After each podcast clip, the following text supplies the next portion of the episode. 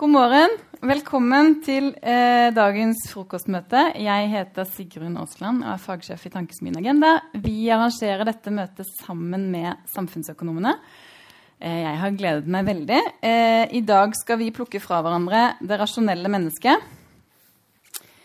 Hvorfor gir vi gaver, og hvorfor reiser vi oss for andre på bussen? Og hvorfor blir du egentlig glad for å få en dyr genser i gave fra din ektefelle? Hvis dere har delt økonomi og du egentlig synes den var for dyr. Eh, I 2017 gikk nobelprisen i økonomi til Richard Taylor, bl.a. kjent for å ha tatt livet av Homo economicus, altså det rasjonelle, nyttemaksimerende mennesket, i den boken som han har kalt 'Misbehaving'. Eh, og I 2002 fikk Daniel Kahneman nobelprisen, bl.a. for sammen med sin kollega Amos Tversky å ha plukket fra hverandre det samme rasjonelle økonomiske individ.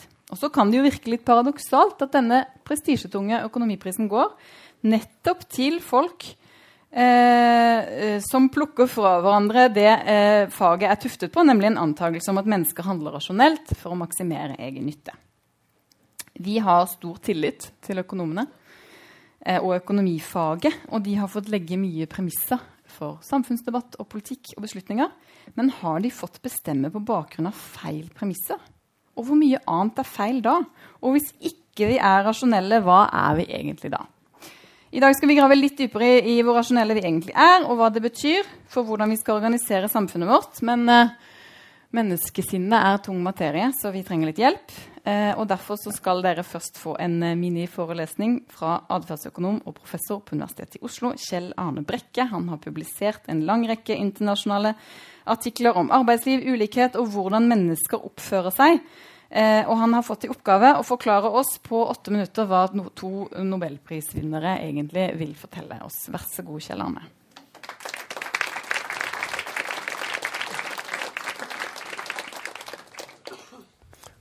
Takk skal du ha. Så, eh, det er en liten utfordring å på så kort tid å skulle presentere tre livsverk. Så jeg skal gjøre mitt beste. Så her har vi eh, Daniel Kahneman, Amos Tversky og eh, Richard Thaler. Um,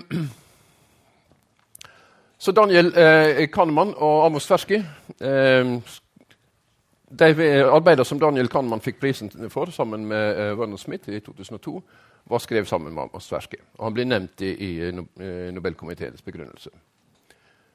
Richard Thaler fikk Nobelprisen i 2017, og det er ganske nært samarbeid mellom dem. Um, i den siste boka eh, skriver han veldig klart om det, uh, men en tidligere bok dette fra Quasi-Rational Economics fra 1994. Den er tilegnet Daniel Kahneman. Who has inspired me, advised me, consoled me, encouraged me, discouraged me, prodded me, and who spent every seventh year doing all these things full time. Thanks. Um, så at det er uh, tette bånd mellom disse, er det liten tvil om. Så um, det forskningsprogrammet som Kahneman og Tversky dro i gang, har ofte blitt omtalt som uh, heuristics and biases. Som bruk av heuristikker. Um, og De starta med å prøve å forklare studenter uh, statistikk, som ikke er så veldig lett.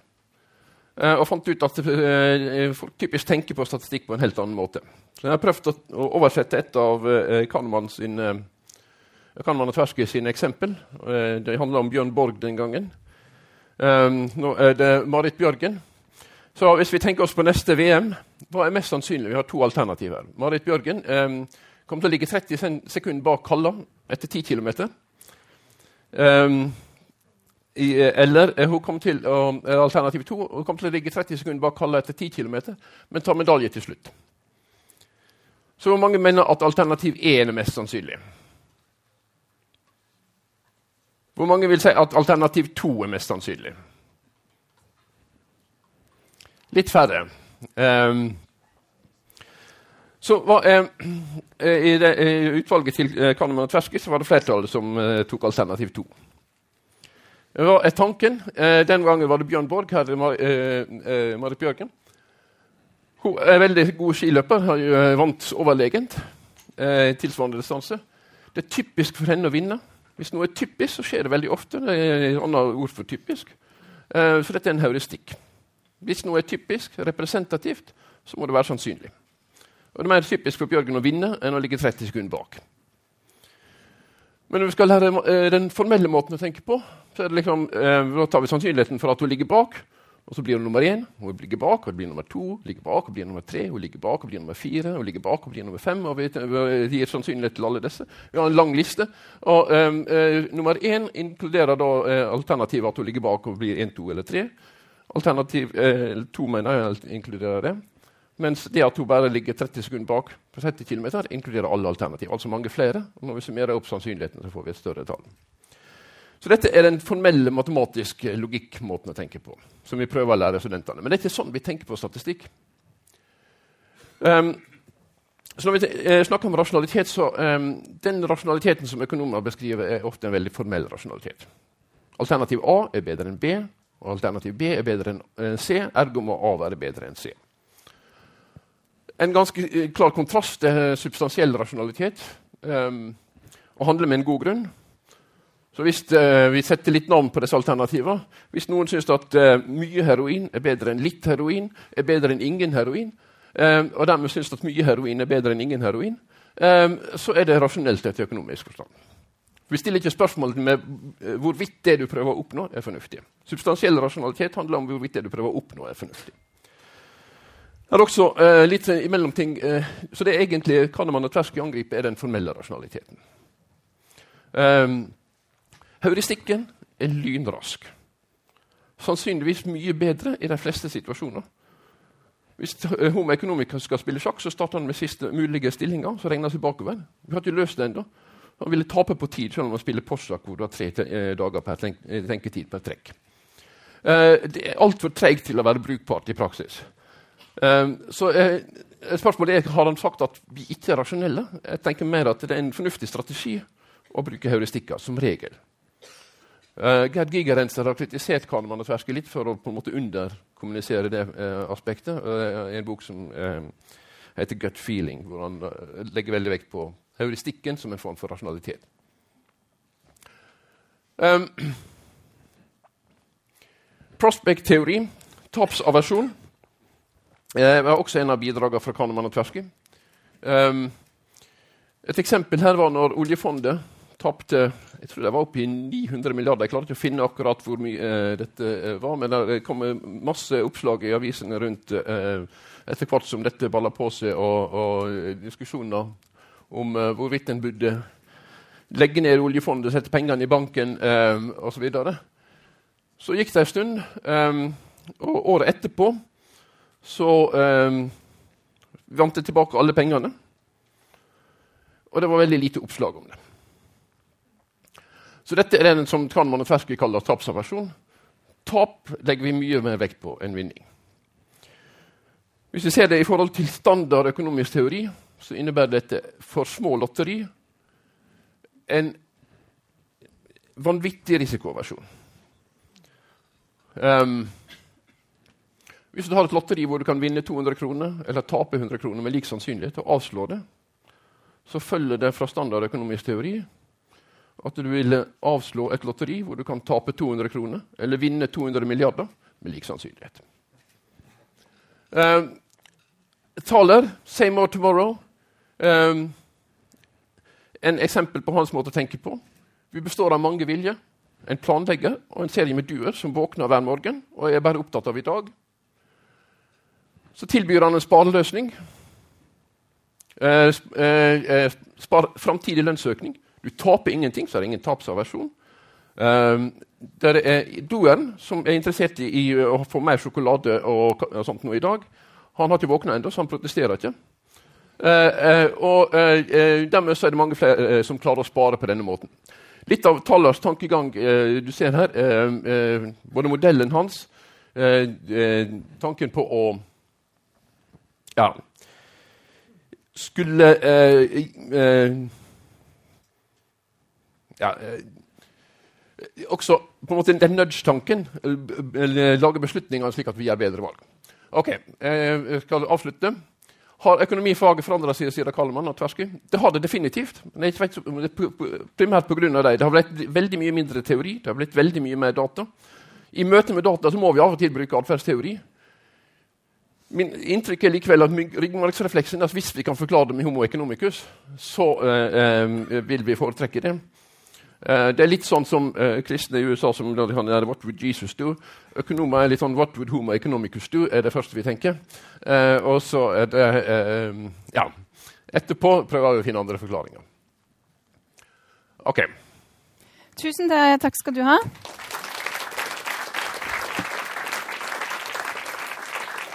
Da skal vi få ønske velkommen til dagens første panel. og Kjell Arne Brekke skal nå få selskap av Bent Sofus Tranøy, som er professor ved Høgskolen i Kristiania eh, i politisk økonomi, eh, som har fått Brageprisen for boken 'Markedets makt over sinne'. Eh, og Maria Reinertsen, samfunnsøkonom og journalist i Morgenbladet, forfatter av bl.a. 'Ligningen for lykke' eh, og 'Reisen til Bretton Woods', eh, bøker som hun også har fått eh, Bokhandelens fagbokpris for. Hjertelig velkommen til alle sammen.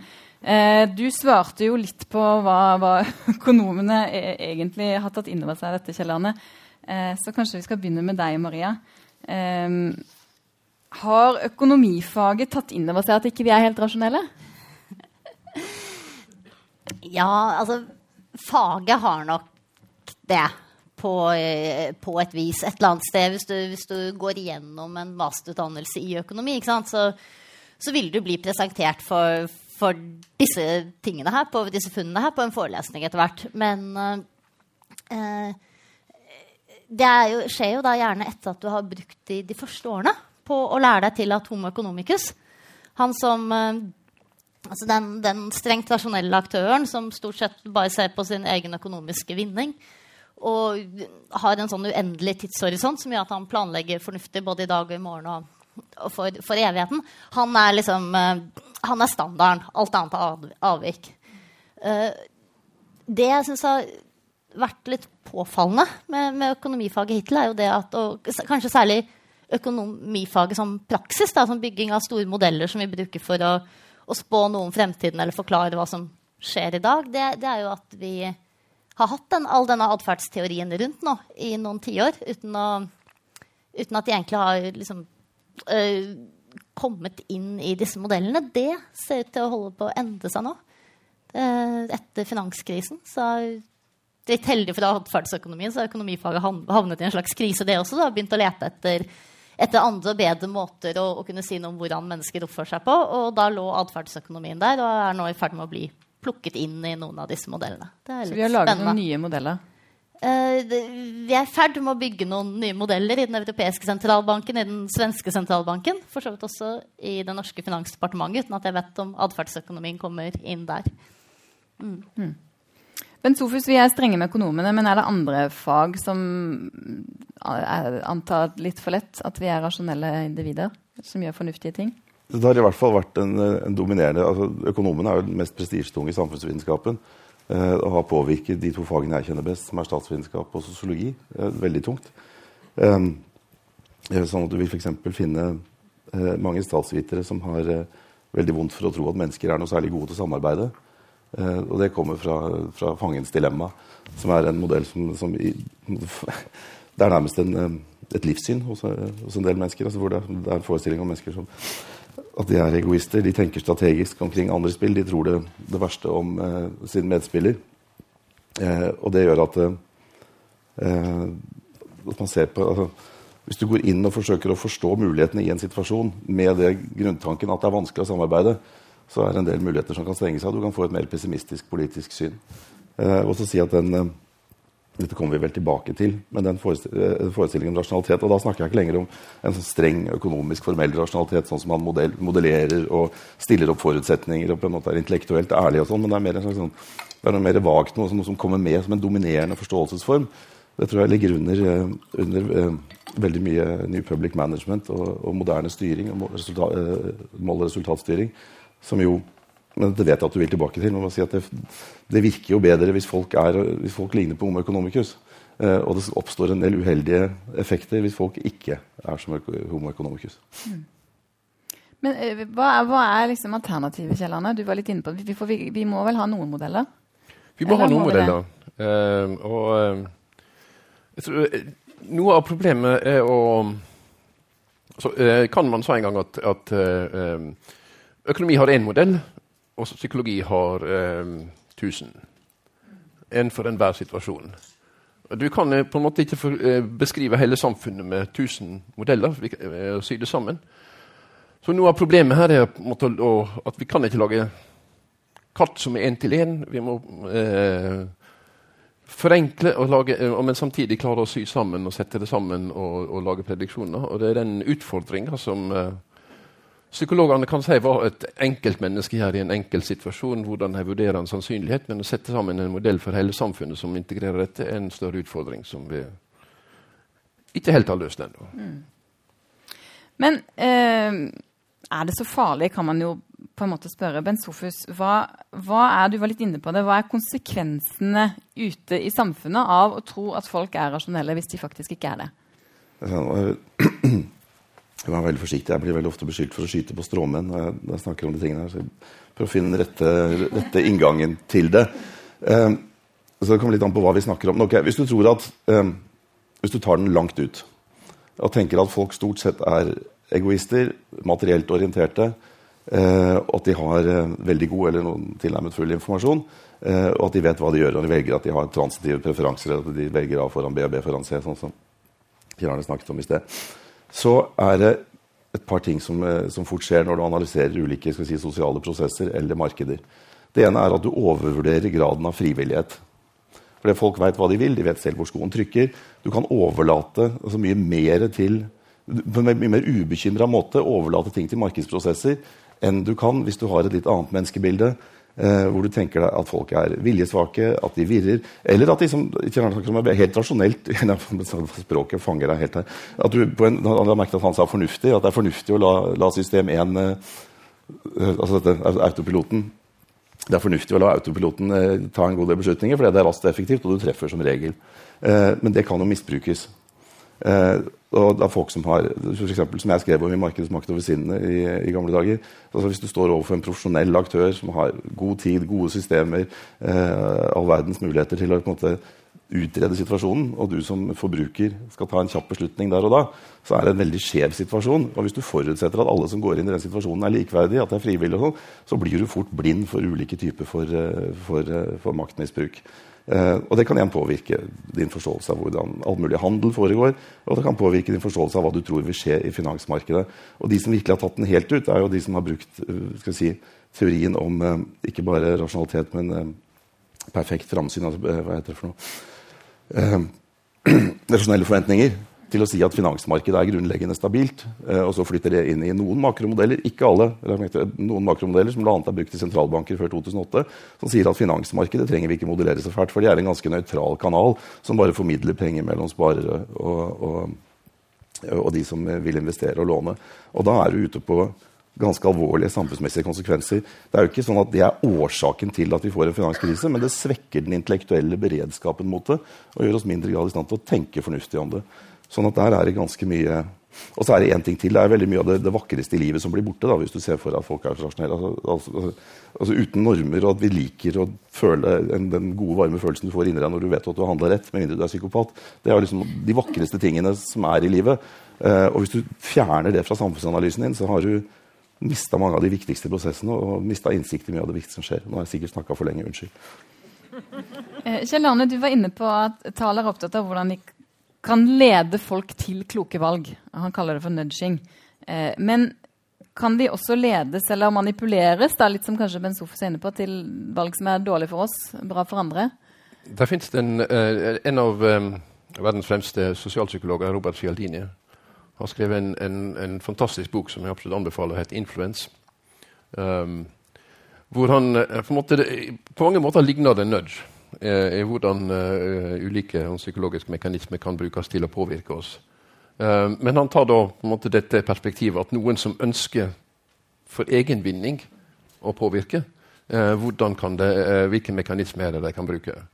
Den, det er helt klart veldig mange eksempel. Jeg var på et sånt marked i, Tunisia en gang. Gikk inn og kjøpte krydder og teppe og alt sammen. Kom ut igjen med noe jeg egentlig ikke trengte å oppdage. Det var ikke så mye penger jeg hadde brukt, men jeg oppdaga at alt fra boka var brukt. Eh, og selv om jeg visste om det, eh, så, eh, så, så uh, måtte, fungerte det Um, så helt klart, uh, Og det er ikke bare uh, disse ressurser altså Gode selgere vet veldig mange av disse tingene allerede. Um. De har ikke studert økonomi, vet du. ja, det hadde ikke det, de. Men det er jo på en måte på individnivå. så tenker jeg, Maria, På, på samfunnsnivå så bruker vi jo økonomiske analyser som beslutningsgrunnlag for veldig mye. Hva koster, hva koster investeringer vi har lyst til å gjøre? Eh, hvor mye koster innvandring? Alle disse framskrivningene og analysene som, som vi legger stor vekt på. Blir forutsetningene der også feil, og hva betyr i så fall det? Det betyr jo at vi tar uh, dårlige beslutninger enn, vi, enn, vi, ellers ville tatt. Og det, det, er jo litt trist. ikke sant? Og et sted der, der denne teorien om, om, rasjonelle mennesker som lar seg motivere av, um, av penger, da, har, har, stått veldig sterkt, det, det, er jo i sånn, det du kaller New Public Management. Hvor du, hvor du har tenkt at du skal du skal belønne folk. Du skal på en måte lage lekemarkeder der det ikke har vært lekemarkeder. Det skal lønne seg å være en altså, vært forsøkt med alt fra å gi skoler bonus hvis de har god, eh, god undervisning. Vært forsøkt i Norge to år. Bonusskoler. Eh, til det, det, å belønne sykehus per, per, operasjon de gjennomfører. Sånn diagnosebasert eh, finansiering. DRG. ikke sant? Og da kan du på en måte gjøre, gjøre, to feil. Det ene er at du kan tenke at folk er litt mindre eh, rasjonelle enn de faktisk er. Det var på en måte det som skjedde i denne DRG-finansieringsskandalen. Hvor det viste seg det at eh, det er jo rasjonelt da, å, å, å, gjøre så mange operasjoner du kan, for da, du, da, da får du flest eh, mest mulig penger i det finansieringssystemet. Men det er enda mer rasjonelt, sånn som sykehus på, et sykehus på Sørlandet gjorde. Å kode om operasjonene etter at du har gjort dem, til den mest lønnsomme diagnosen. Og, og, det er ingenting som sier at homo economicus ikke skal gjøre det. ikke sant? Men vi regner kanskje med at de, de har moral. Så det er det ene. Det andre er det at du, eh, du tar vekk da, det du sier liksom, i økonomien, at du crowder ut. Da, du, du, tar vekk annen, annen, motivasjon. Hvis du forteller folk at det eneste som skal motivere dem, er, eh, er poeng per publisert artikkel eh, i et forskningstidsskrift, ikke sant? eller lønnsøkninger, eh, individuelle lønnsøkninger på toppen hvis du har gjort, eh, gjort en, en, god jobb, så forsvinner kanskje noe av den liksom, indre du har til å, til, å, gjøre jobben fordi den er viktig i seg selv. Og, og det er jo lett da ting som ikke belønnes. Ikke sant? For eksempel, det har vært mye diskusjon med akademia formidling, da, som ikke har noe sånn eget poengsystem, eller ikke har hatt det. At det kan forsvinne ut. Så, så er, du kan gjøre feil rett og slett fordi du ikke ser hele hele bildet. Og så kan jeg si en ting til. Eh, for det, for det, er jo det at jeg tror at vi mennesker vi er jo eh, Vi har jo alt dette inni oss hele tiden. ikke sant? Vi er både litt sånn rasjonelt noen, litt, vi, vi, kan både være rasjonelt kalkulerende, og vi kan uh, være litt sånn uh, drevet av hevn eller um, samarbeidsvilje eller ønske om uh, medfølelse. ikke sant? Og da har det jo noe å si på samfunnssystemet ikke sant? hvilke signaler vi får om, om hvilke sider av oss selv vi skal ta frem i ulike situasjoner. da. når vi er på jobb på sykehuset, eller når vi er hjemme i familien eller når vi er på, på børsen. ikke sant? Og, og der har jo f.eks. de belønningssystemene og, og, de måtene man da snakker om, om disse plassene på, ikke sant? det har sannsynligvis noe å, å, å si for eh, hvilken rasjonalitet da, vi benytter. Så det er noe normativt i den antakelsen om rasjonalitet? da, på en mm. måte. Ikke sant? Og du kan, du kan, på en måte få de menneskene du du lager systemet for. da. Det kan, homo economicus kan være en litt sånn selvoppfyllende profeti også. Ja. Bent ben Sofus var inne på eh, Kjellane, at eh, økonomene har jo på en måte også påvirket andre fag og puttet homo economicus inn i statsvitenskapen og, og, og sosiologien. Vi kan ta ansvaret for det selv. Altså. Eh, ja, jeg skyldte liksom litt på økonomene. Har, samfunn, har, samfunnsøkonomene fått for mye plass? Og så spør vi samfunnsøkonomen. Um, Jeg tror, uh, hvis du, uh, et eksempel kunne være um, Daniel Kahneman, som er psykolog, har hatt mye større innflytelse på økonomifaget enn um, sier Øystein Olsen. Um, er nesten en hvilken som helst sentralbanksjef i, i, USA også. Men jeg ville, uh, Daniel Kahneman er ikke den med kompetent til å være en sentralbanksjef. Um, økonomifag studerer på en måte hva slags beslutninger skal Finansdepartementet og eh, makroøkonomi. Det er en del av faget. Hva skal Finansdepartementet og hva skal sentralbanken gjøre? Um, så på en måte det vil, vil, det være veldig merkelig hvis det faget som studerer, var eh, fornuftig uh, politikk fra Finansdepartementet og, og, og, og banken. Uh, ikke hadde stor innflytelse på den typen politikk. Um, så er det også en innsikt fra psykologi at um, vi leter gjerne etter det som bekrefter det vi har lyst til å vite. Um, så Som samfunnsøkonom så du, ser du alle plassene hvor du måte, eh, Der kunne vi bidra med noe kunnskap. Og så hadde vi den kunnskapen som andre kunne bidra med. og ser at de kunne, eh, Så vi har nok en tendens til å overvurdere vår egen uh, betydning. Um, men Kahneman er også et eksempel på at uh, har, det kan være veldig fruktbart å få inn innspill fra, fra andre fag. Um, så han har forandra faget, men uh, og jeg tror vi kan lære veldig mye av andre fag også.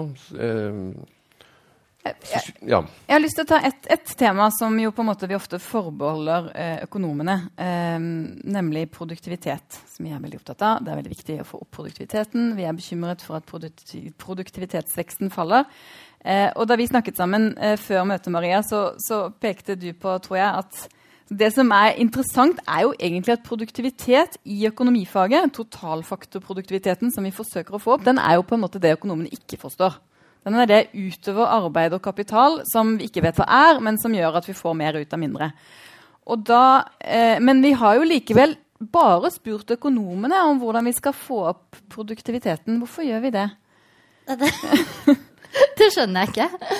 Men, men jeg syns det var helt påfallende da da eh, regjeringen satte ned en såkalt produktivitetskommisjon, så var alle medlemmene der bortsett fra ett hadde økonombakgrunn. Det var noen som hadde litt annen bakgrunn i, i tillegg. De hadde studert ledelse eller um, teknologi. eller sånne ting. Men, men, det var helt åpenbart at her kom det felles språk i denne kommisjonen. Det kom til å være økonomifagets språk. Og så slo det meg at jeg tror vi som økonomer har veldig mye å si f.eks. om arbeidsmarkedet. Da. Hvordan, hvordan, det fungerer. Men akkurat hvordan innovasjon foregår, der, eh, der har vi mindre å si. Og det, det er litt lett da, når du ikke har så mye å si, så er det lett at du liksom bruker den hammeren du har. Og den hammeren vi har, det er vel det å si at vi kan innføre mer konkurranse. uh, mer insentivbaserte ordninger. ikke sant? Uh, mer anbud, mer kvasimarked. Og det er lett at det blir svaret uansett hva som var spørsmålet. ikke sant? Så og der tenker jeg jo det kanskje kommer av den litt sånn uh, den store autoriteten da, som økonomifaget har fått. ikke sant? Andre, andre områder kan kanskje være målene for miljøpolitikken. uh, det, det, det tenker jeg er et sted vi har hatt stor, kanskje større innflytelse enn, vi, enn, enn faget vårt egentlig gir oss liksom, redskaper for. Da. Hva tror du statsviterne, og sosiologene og psykologene ville bidratt med i Produktivitetskommisjonen? Bent Sofus? Det er så, så treffer du et, et, veldig svakt faglig punkt hos meg. Men eh, eh, siden jeg sitter her, er tildelt rollen, så kan jeg jo bløffe. Eh, så det jeg ville begynt med da er, eh, Jeg vet ikke om det er en gang jeg blir men jeg tror at det som Maria snakket om i sted, som var altså ulike uønskede virkninger av New Public Management eh, og moderne styringssystemer, hvor du treffer den ytre motivasjonen og dermed Maria sa kanskje jeg er helt sikker, du svekker den indre motivasjonen hvis du jobber for hardt mot den ytre. I, I Kahneman og Tversky sine arbeider så finnes det ikke eksempler på det mest berømte. er den der barnehagen hvor de eh, Jeg skal ikke ta den. men eh, Du, du kan finne hos Dan Ariely og, og sånn også. Det er veldig sånn tydelig at vi har litt problemer med å være indre og ytre motivert på en gang. Uh, og hvis du da, tar min egen arbeidshverdag Jeg tror jeg har blitt vesentlig mindre produktiv enn jeg ville vært de siste 15 årene. Hvis du holder alt annet likt pga. de styringssystemene jeg blir utsatt for i dag. Jeg bruker mer tid på å bli styrt, jeg bruker mer tid på å rapportere, jeg bruker mer tid på å irritere meg, og jeg bruker mer tid på å manipulere uh, og tilpasse meg disse styringssystemene strategisk. Uh, og jeg tror Hvis du spør en hvilken som helst, nesten hvilken som helst lege utenom de som har rykket opp til, til, til, til sjefs- og direktørstilling på sykehusene, så vil de si mye av det samme. Og det samme vil sykepleiere si. Og det hele tatt hele offentlig sektor som den, den skal si tjenesteproduserende delen av offentlig sektor. Men med det er ikke sagt at all mål- og resultatstyring er, er produktivitets for å holde meg til lojalt i ditt spørsmål, produktivitetssenkende. Eh, for du må, ha, du må, ha, en kontroll, du må, juks, du må, ha en viss mulighet for å ta juksere, ellers så forsvinner den indre motivasjonen hos de som faktisk er. Men i alle fall, eh, når du spør en, en, fyr som ikke har greie på det i et sånt panel om dette, så er det der jeg ville begynt. Eh, eh, og forsøkt å gjøre resonnementer omkring hva som eh, motiverer kunnskapsarbeidere og, og tjenesteprodusenter. Eh, og hvordan du får dem til å, til å jobbe bedre. Utgangspunktet var at når vi spør økonomene, så vet ikke de heller, men de svarer likevel. da. Ja. ja bare, jeg er litt, litt sjenert. Jeg, sånn jeg, forsøker å sette meg inn jeg, jeg, jeg, er litt sånn gammeldags akademiker på den måten at jeg kan litt om ganske mye istedenfor å være dypt spesialisert. Og når du da treffer de områdene som jeg virkelig ikke har jobbet med, i hvert fall ikke i den språksettingen, så blir jeg sjenert. Men, uh, du nevnte barnehagen, for det, har, altså, det, er et eksempel i boken hvor man innfører betaling, bot for foreldre som kommer for sent for å hente i barnehagen. Og så viser det seg at da kommer mange flere for sent. fordi da kan man kjøpe seg ut av den moralske belastningen det er å komme for sent. Nettopp. Um, så det viser jo poenget du også hadde, Maria. Um, så vet jeg at uh, han som er sjef for Økonomisk institutt nå, Steinar Holden, han sa at de hadde gjennomført det i en barnehage han hadde barn i. Ja. Det hadde ikke fungert sånn. Nei. Da, folk, uh, kommet, da hadde folk henta tidligere. Folk ville ikke ha bot. Når de fikk bot. ja. det, fordi nordmenn er mer samvittighetsfulle enn israelere, eller fordi det var et borettslag av økonomer? Vi har gjort noe tilsvarende med norsk, uh, i Norge også, men da som en spørreundersøkelse om folk ville stille opp mer på dugnad om de måtte betale 100 kroner. Uh, det avhenger av hvordan du stiller spørsmålet. Hvis du sier at det er symbolsk, uh, så virker det negativt. Hvis du sier at det er for å betale noen profesjonelle til å gjøre det, så svarer folk at de ikke ville kommet. Um, så Det er på en måte da eksplisitt på at det er et marked der. Um, så, mens hvis du sier det symbolsk, så er det eksplisitt på at dette ikke dette er ikke en erstatning, det er bare for å markere at her har du en plikt.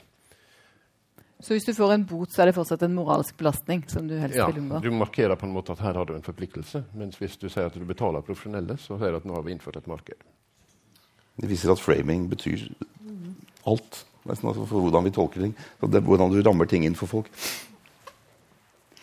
Jeg har lyst til å eh, også rekke innom Kjell Arne. Du snakket om eh, tapsaversjon, som jo er viktig hos eh, hos hvert fall Kanemann. Altså at vi, vi, er mer redd for å tape enn vi gleder oss over muligheten for å vinne noe. Eh, det, hvis det stemmer, er det noe vi har tatt inn over oss i, i forvaltningen f.eks.? For det, er, det er et godt spørsmål. Det er et av de et av de store eh, måtte, av de tingene som er veldig vanskelig å forklare i økonomi, har vært den eh, enorme forskjellen i avkastning mellom aksjer og, og obligasjoner. Um, og taler, Jeg har da en modell som har forklarer dette med tapsaversjon, Eh, fordi det gir veldig stor risikoaversjon. Um, når uh, mainstream økonomer uh, går gjennom litteraturen, her, så blir det nesten ignorert. Um, det er gjort en god del eksperiment som vil bygge opp under mekanismen. List har gjort et eksperiment hvor han får profesjonelle meglere til å, å, handle med aksjer, hvor de får liksom, vite kursene med ulike mellomrom, som skulle da eh, forklare dette. Og det, det, det virker sjøl på profesjonelle meglere. Så eh, det er en mekanisme, men det er for så vidt et eksempel på at uh, så lenge vi kan finne på noe annet vi, hvor vi slipper å bruke atferdsøkonomi til å forklare det, så uh, ligger det mye nærmere. Hvor stor betydning har denne uh, Frykten for å gjøre en feil kan da bety at vi får små feil ja, vi må ta noe risiko for å, å tørre noe. Um, hvis det er forklaringa på at vi har vært for redd for å, å, å satse risiko i, i, kapital andre plasser, så kan det gjelde tilsvarende i politikken. Jeg kjenner ikke til noen studie som har sett på om, om på en måte men det gjør vel en Sofus? Nei, jeg, jeg, jeg, det var ikke meningen å avbryte deg. Nei, nei, nei, si Tapsaversjon er veldig viktig i forhold til uh, omstillingsprosesser. Altså når, du, når, du, skal motivere mennesker til å være med og, og, snu opp ned på et eller annet, eller måten de jobber på, kanskje du må jobbe et annet sted på en annen uh, funksjon, og sånn, så tror jeg at tapsavversjon slår inn og gjør at det flertallet i, på en arbeidsplass blir uh, redde og fort litt negative. Uh, og at det er en naturlig reaksjon, naturlig i den forstand at tapsavversjon er naturlig. Den biologiske forklaringa på tapsavversjon er også ganske morsom. Altså, i hvert fall sett som metafor så tenker at det er en, en fisk som er midt i næringskjeden i et vann så er det mye mindre skummelt for den fisken å gå glipp av en småfisk som svømmer forbi, som den skulle ha tatt, enn det er hvis den ikke ser den store fisken som har tenkt å ta den. Da er det game over med en gang. Eh, og hvis du tror på evolusjonær psykologi og den forklaringen, hvis ikke den er for lettvint, jeg synes den er, den er besnærende, så er det ganske naturlig å tenke seg at vi, vi, er sånn i mange situasjoner. og da da vil særlig en litt sånn dårlig motivert og litt sånn rart begrunna omstillingsprosess du, liksom, du, føler deg liksom manipulert, det er noen som styrer deg. I tillegg så vet du at her kan du tape noe og ha mindre blikk for gevinsten. Det, er, det, skjer jo omstilling absolutt hele tiden. Og det er veldig mange som ikke klarer å si omstilling uten å si nødvendig foran. Eh, og da, det, da, får du mye usikkerhet. Det er kanskje dette spiller inn i produktivitetsdiskusjonen din også. Folk jobber jo mindre når de er redde. Kjell Arne også. Ja, bare kort at um som regel alle disse heuristikkene og sånt vi har eh, vi, Grunnen til at vi har det, liksom, hvis du tar det evolusjonære perspektivet, er at de fungerer i en eller annen setting. Um, så sannsynligvis så gjør de noe godt også. Um, nettopp fordi omstilling så kan du bli manipulert, f.eks. Uh, kan være en grunn til at du, du nettopp er, har en tapsaversjon i den sammenhengen. Eh, jeg tenker jo at uh, Politikere har på mange måter tatt inn over seg at vi har tapsavasjon. Det er jo det som er hele, hele begrunnelsen for sånn føre-var-politikk i, i, i, miljøpolitikken. Og uh, det samme det at, det at, man vil sette i gang kraftige sånn motkonjunkturpolitikktiltak hvis du er på vei inn i en nedgangstid for å hindre at folk mister jobben. Hvis det er sånn at vi liksom ikke var de fleste risikerer jo ikke å miste jobben i en nedgangstid. Men allikevel, den liksom, sjansen for at det kan skje, den 10% sjansen eller 5% sjansen, eller hva den er, den, den, den gjør at liksom, folk flest syns det er ok med, med store tiltak da, for, for, å avverge det. Så det er jo tegn på at vi har tapsobservasjon. Men øh, hvis vi skal på en måte kunne, kunne utføre denne føre-var-politikken, så må vi ha modeller som som gjør oss på en måte som, som, hjelper oss til å tenke godt om, om, de risikoene som ligger fremover i tiden.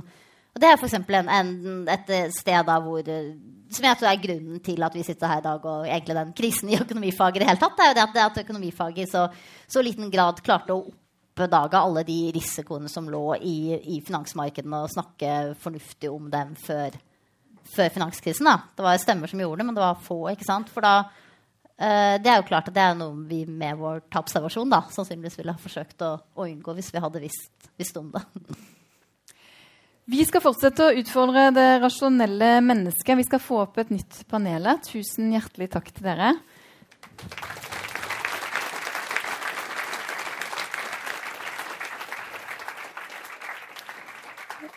Og nå skal vi prøve å ta det enda litt ned. Vi har fått med oss Eva Grinde, kommentator i Dagens Næringsliv, og Hege Ulstein, politisk eh, redaktør i Dagsavisen. Kommentator, ikke redaktør. Unnskyld. Jeg er i NJ. kommentator i Dagsavisen. Eva skal bare få på seg eh, mikrofonen. Det ligger eh, makt i å forstå noe som ikke alle forstår. Og hvordan er det vi snakker sammen og tar beslutninger. Og hvilken plass har egentlig det rasjonelle mennesket i samfunnsdebatten? Eh, Eva, hva, hvor stor plass tar det rasjonelle mennesket i, i, samfunnsdebatten? Og i hvilken grad går det på bekostning av andre drivere som vi burde forstå? Noen ganger så kan man jo føle at uh, rasjonelle mennesker har veldig liten plass i samfunnsdebatten. Uh, ikke minst kanskje i ja, hvis man tar med sosiale medier og alt som, uh, som skjer der. Så lurte jeg også litt på uh, om jeg var invitert fra Dagens Næringsliv for å slå et slag for homo economicus. Uh, men det får jeg altså ikke til. Det syns jeg er veldig vanskelig. og jeg syns det er et stort mysterium egentlig hvor, hvor livskraftig dette bildet av mennesket viser seg å være. Um, og det jeg må bare si som etter den debatten her, altså Et spørsmål man sitter igjen med, er jo også liksom Hva er verdien av da de eh, resultatene som kommer ut av modellberegninger, hvis det er basert på et menneske som eh, på en måte så virkelig ikke eksisterer? Så det er jo eh, Men det kan vi ta ved neste korsvei.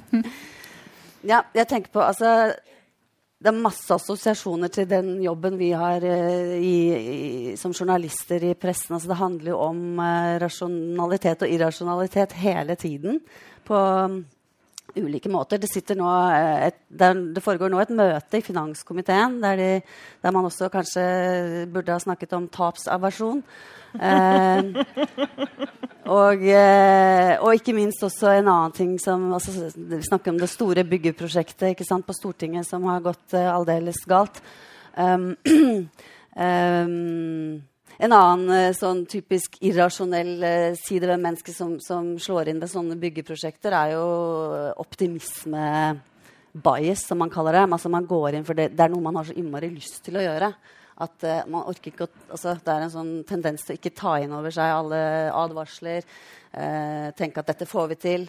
Og da er det ikke, det er ikke, det er ikke den rasjonelle, beregnende, kalkulerende personen som er der. Da er det den brennende personen som ønsker å få til noe. Uh, det er kanskje litt sånn det som var på, vi var inne på med innovasjon også, at det er noe av den samme drivkreften som driver de som skaper nye ting. Uh, og det forklares jo ikke ved denne rasjonelle, kalkulerende personen som bare er ute etter egenvinning. Hege, eh, utformer vi politikk på feil premisser? Og, er, og i så fall, hvilken politikk da? Ja, svaret er vel eh, Vi pleier alltid å svare det samme på sånne spørsmål. Ja og nei. Er det ikke sånn? Um, jeg tenker at uh, det fins uh, sikkert mange eksempler på at det er fornuftig å, å ha litt sånn uh, firkanta, rigide systemer som ikke er til å misforstå, og at man kan forholde seg til at sånn er det, og sånn er det ikke. Uh, og jeg, jeg, ser vel ikke for meg at vi ville få et veldig godt samfunn hvis man ikke hadde noen sånne rettesnorer heller.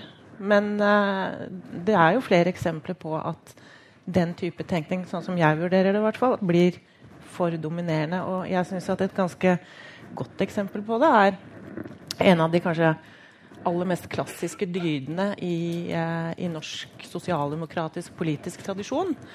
Uh, det vi kaller for arbeidslinja. Altså at det skal lønne seg å jobbe.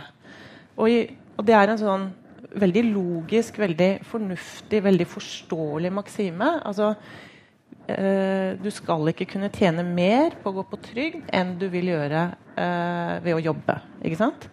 Men den forutsetter noen ting som er problematiske. Den forutsetter at du har et valg. At, uh, uh, at innbyggerne liksom kan velge om de vil gå på trygd eller om de vil jobbe. Og hvis man har den forutsetningen, så har man egentlig veldig lav selvtillit på vegne av sine egne kontrollsystemer, sitt eget trygdesystem. Fordi eh, det å gå på trygd er ikke noe man kan velge. Det er noe man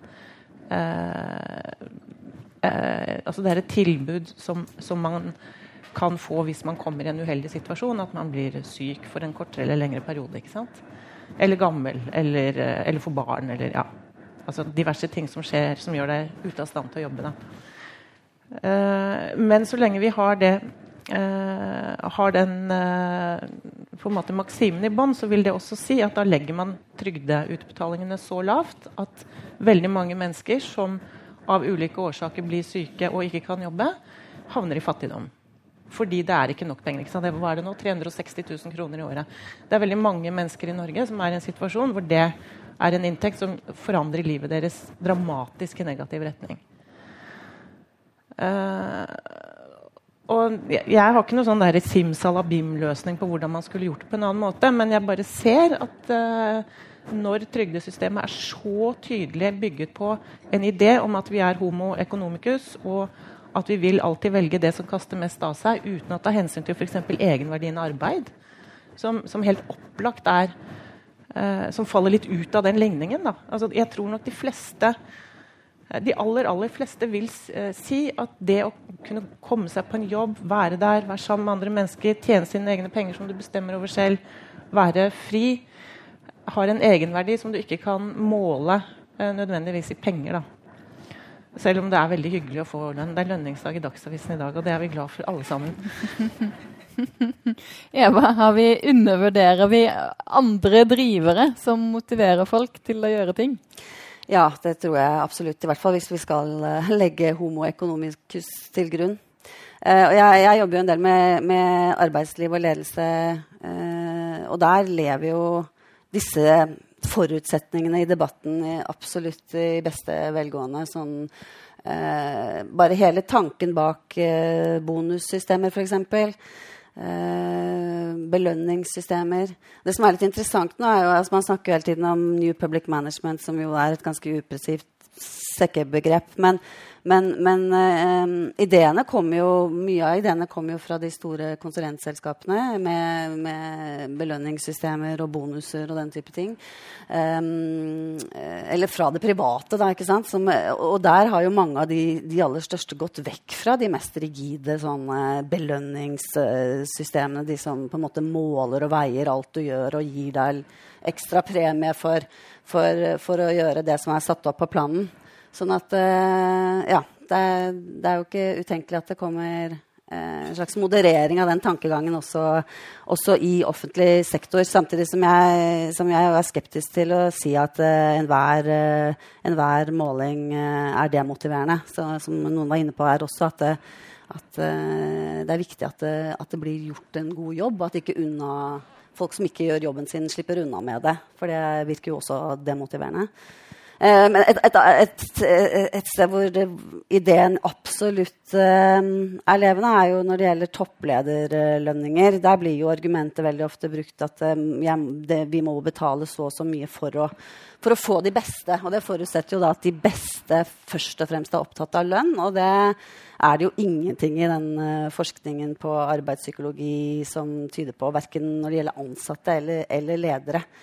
Eh, altså, og det at det, liksom, at det, er et helt fagfelt og professorer som bruker livet sitt på å argumentere for at det er noe som heter indre motivasjon, det viser jo at det fortsatt er en diskusjon her ute og noen ideer om at, eh, eh, om at, eh, er, eh, at vi lar oss styre av eh, materielle premier.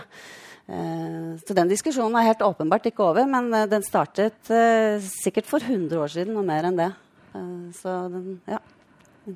Ja, jeg tror den forskjell, altså Det å være oppmerksom på at vi overser for mye indre motivasjon og legger for stor vekt på ytre motivasjon, er veldig viktig. Og det er mange, mange eksempler på at du fatter dårlige politiske beslutninger fordi du legger for mye vekt på ytre motivasjon. Fraværsgrensa i videregående for eksempel, mener jeg er et ganske sånn eh, klassisk eksempel på det. Hvor man legger til grunn at elevene er uh, rasjonelle Eh, hvis de ser at de kommer over en viss fraværsprosent, så får de ikke karakter. Ergo vil de da komme på skolen.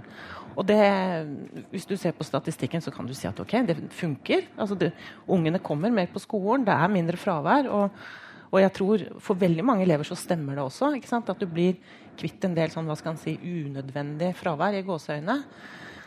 Men for de svakeste elevene, som sliter og som ikke kommer på skolen av andre grunner, så tror jeg ikke eh, du får til det du ønsker å oppnå ved å bare tilby dem den type ytre motivasjon. Da må du inn med andre eh, tiltak. Du må jobbe på en annen måte. Og da er det kanskje greit da, at de er borte i, fra et fag 15% 20% uten at de får beskjed om at nå er det game over, ferdig. Du får ikke, du får ikke bestått dette året. Eh, beklager. Du kommer ikke inn til neste år. Sånn at jeg, jeg, tror det er altså, det er veldig veldig få mennesker som er 100% rasjonelle, og det er veldig få mennesker som er 100 irrasjonelle. Selv om man kan få inntrykk av at noen politikere er det når man ser på den stortingsgarasjen. Men, men, de aller fleste av oss er et eller annet sted midt imellom og trenger begge deler. ikke sant? Og det, eh, det er veldig viktig å være oppmerksom på det når man utformer politikk. Og jeg skjønner jo, altså Alle skjønte det er mye enklere å bare lage en fraværsgrense. Sånn, ferdig. Eh, her er den, forhold dere til det. Det tar mye kortere tid, er mye enklere å forstå. Uh, trenger ikke å forklare det noe mer. bare sånn. Men mennesker fungerer jo ikke sånn. Uh, det var Reinertsen var inne på helsevesenet, hvor målstyring ikke sant, At man driver med litt sånn kodetriksing og sånn. Uh, så vidt jeg husker så var det annet et eksempel på at man hadde glemt å kode et tilbud til kvinner som akkurat hadde født. Sånn at det bare falt ut fordi at det lønte seg ikke å gjøre det. Eh, og resultatet var jo at både mor og baby fikk større plager ganske kort tid etter fødselen fordi man bare sluttet å gjøre det fordi det, ikke, det svarte seg ikke økonomisk. Du ser noe av det samme nå, hvor man kutter liggetiden. At kvinnen skrives ut av sykehuset seks timer etter fødsel. Sånn som de skal gjøre i Haukeland, fordi det lønner seg. Men det gjør jo ikke det. Sånn at Når du får for mye bedriftsøkonomisk tenkning inn i samfunnsplanleggingen, og for lite samfunnsøkonomi, så, så får du en del sånne rare eh, tiltak og, og, og, mekanismer som ikke fungerer. Da. Det var vel 60-24 timer i, for 40% av de. I- På Haukeland? Ja, eller Ja. på de fødende. Men, eh, men enig. Men, men det, er, eh, sånne historier og, og slagsider på, på den type uh, ny politikk og tiltak, det er jo et argument for at man så mye som mulig setter i gang forsøk med, med sånne ting og ser på hva det kan føre til. Altså det kan det kan tenkes at en mer effektiv eh, behandling av, av fødende kan, kan være bra for det felles gode. At man får behandlet flere, at det, det frigjør ressurser. Men ikke hvis, ikke hvis eh, nedsiden er, eh, er stor. Sånn at man må teste ut ting. Jeg, jeg tror det er lurt. Teste ut ting i det små og se eh, hvor det bærer. Ja, så har du også det klassiske, altså det normative opp mot alt dette her. Altså Skal vi ta imot mennesker på flukt bare hvis det lønner seg? Eller skal vi gjøre det fordi eh, det faktisk er eh, moralsk riktig? Ikke sant? Som også er en annen Der er vi vel inne på litt sånn forskjellen på formell og substansiell eh, Ulike typer rasjonalitet. Ja. Ja. Vi, dere har jo, eh, og forrige panel også, tatt, eh, egentlig føler jeg slått et slag for eh, vet ikke om jeg skal si psykologien, men den indre motivasjonen. Altså hva andre ting som motiverer eh, valg mennesker tar. Og så eh, kan man jo si eksempelet vel litt om, om eh, arbeidslinja, at det kanskje også er noen strukturelle faktorer, noen ting rundt som man ikke selv kan påvirke. Som, eh, men hvilke hvis vi på en måte ikke synes at økonomifaget, og i hvert fall homo economicus, gir oss nok retnings, eh, retning på samfunnsdebatten, hvilke andre fag eller liksom, eh, rammer er det vi trenger da, Eva? Ja, altså jeg, jeg syns jo psykologi er et utrolig spennende eh, fag som gir mye innsikt i hvordan, hvordan og hvorfor folk oppfører seg som de gjør. Og det ble sagt her at hvis man skal begynne å ta inn psykologien, så må man lage ett et case for hver eneste, hvert eneste tilfelle. Og eh, kanskje til en viss grad det stemmer, men samtidig så er det jo en del eh, altså Det er jo også forsket eh, på en del generelle trekk. F.eks. hva skjer med mennesker som får makt? Hvordan eh, endrer de karakter? F.eks. at de er, de mindre innlevende, bryr seg faktisk helt, helt konkret mindre i stand til å lese andres ansiktsuttrykk. de tenker mer abstrakt og mindre konkret. Um, Ah, sikkert nødvendig. altså Man skal høyere opp og tenke Så det, skje- det, altså det er jo en del mekanismer på hva, hva En del psykologiske mekanismer som jeg, som jeg tror lar seg generalisere. Ikke akkurat at jeg vet hvordan det skulle puttes inn i en modell på noen fornuftig måte, men ja, jeg syns i hvert fall det er uh, veldig interessant og informativt når vi prøver å analysere hva som skjer i, sam, i samfunnet rundt oss, og hvorfor folk gjør som de gjør. da. For vi må ha noen modeller, ikke bare følelser, Hegge. Ja, altså, Jeg vil i hvert fall ikke leve i et samfunn som er 100 styrt av følelser. Det er veldig fint å være Er det de to tingene vi har å velge mellom? Vi kan være, litt, Modeller? Du kan gjerne komme med alternativer hvis du kan gjøre det fort. være styrt av følelser på fritiden og modeller i arbeidstiden. Nei, men eh, Nei, altså jeg tror eh, kanskje eh, mer enn å tenke liksom det faget eller det faget eller det faget, så tror jeg kanskje et stikkord kan være litt ydmykhet på vegne av de fagene man eh, eventuelt eh, liksom representerer. Da. Eh, og, og si at ja, ok, økonomifaget, psykologien, statsvitenskapen, sosiologien har mange gode svar hver for seg. og det er klart at du må ha noen store strukturer eh, hvis du skal styre et samfunn fra toppen. Og små strukturer der nede ikke sant? når du jobber på en måte på, med, mer med én sektor eller et problem. Men, men ikke tro at uh, at én modell eller én tilnærming er den eneste riktige, og at da må alle gjøre det sånn hele tiden. Og liksom slapp litt mer av. Altså, ja, Det, det går an å liksom bare tenke sjæl også. Det skal få være siste ord. Vi beholder eh, samfunnsøkonomene med litt ydmykhet, og så slapper vi av. Eh, tusen takk for at eh, alle sammen kom. Eh, og takk til alle i panelet, eh, kloke mennesker med gode råd. Tusen takk.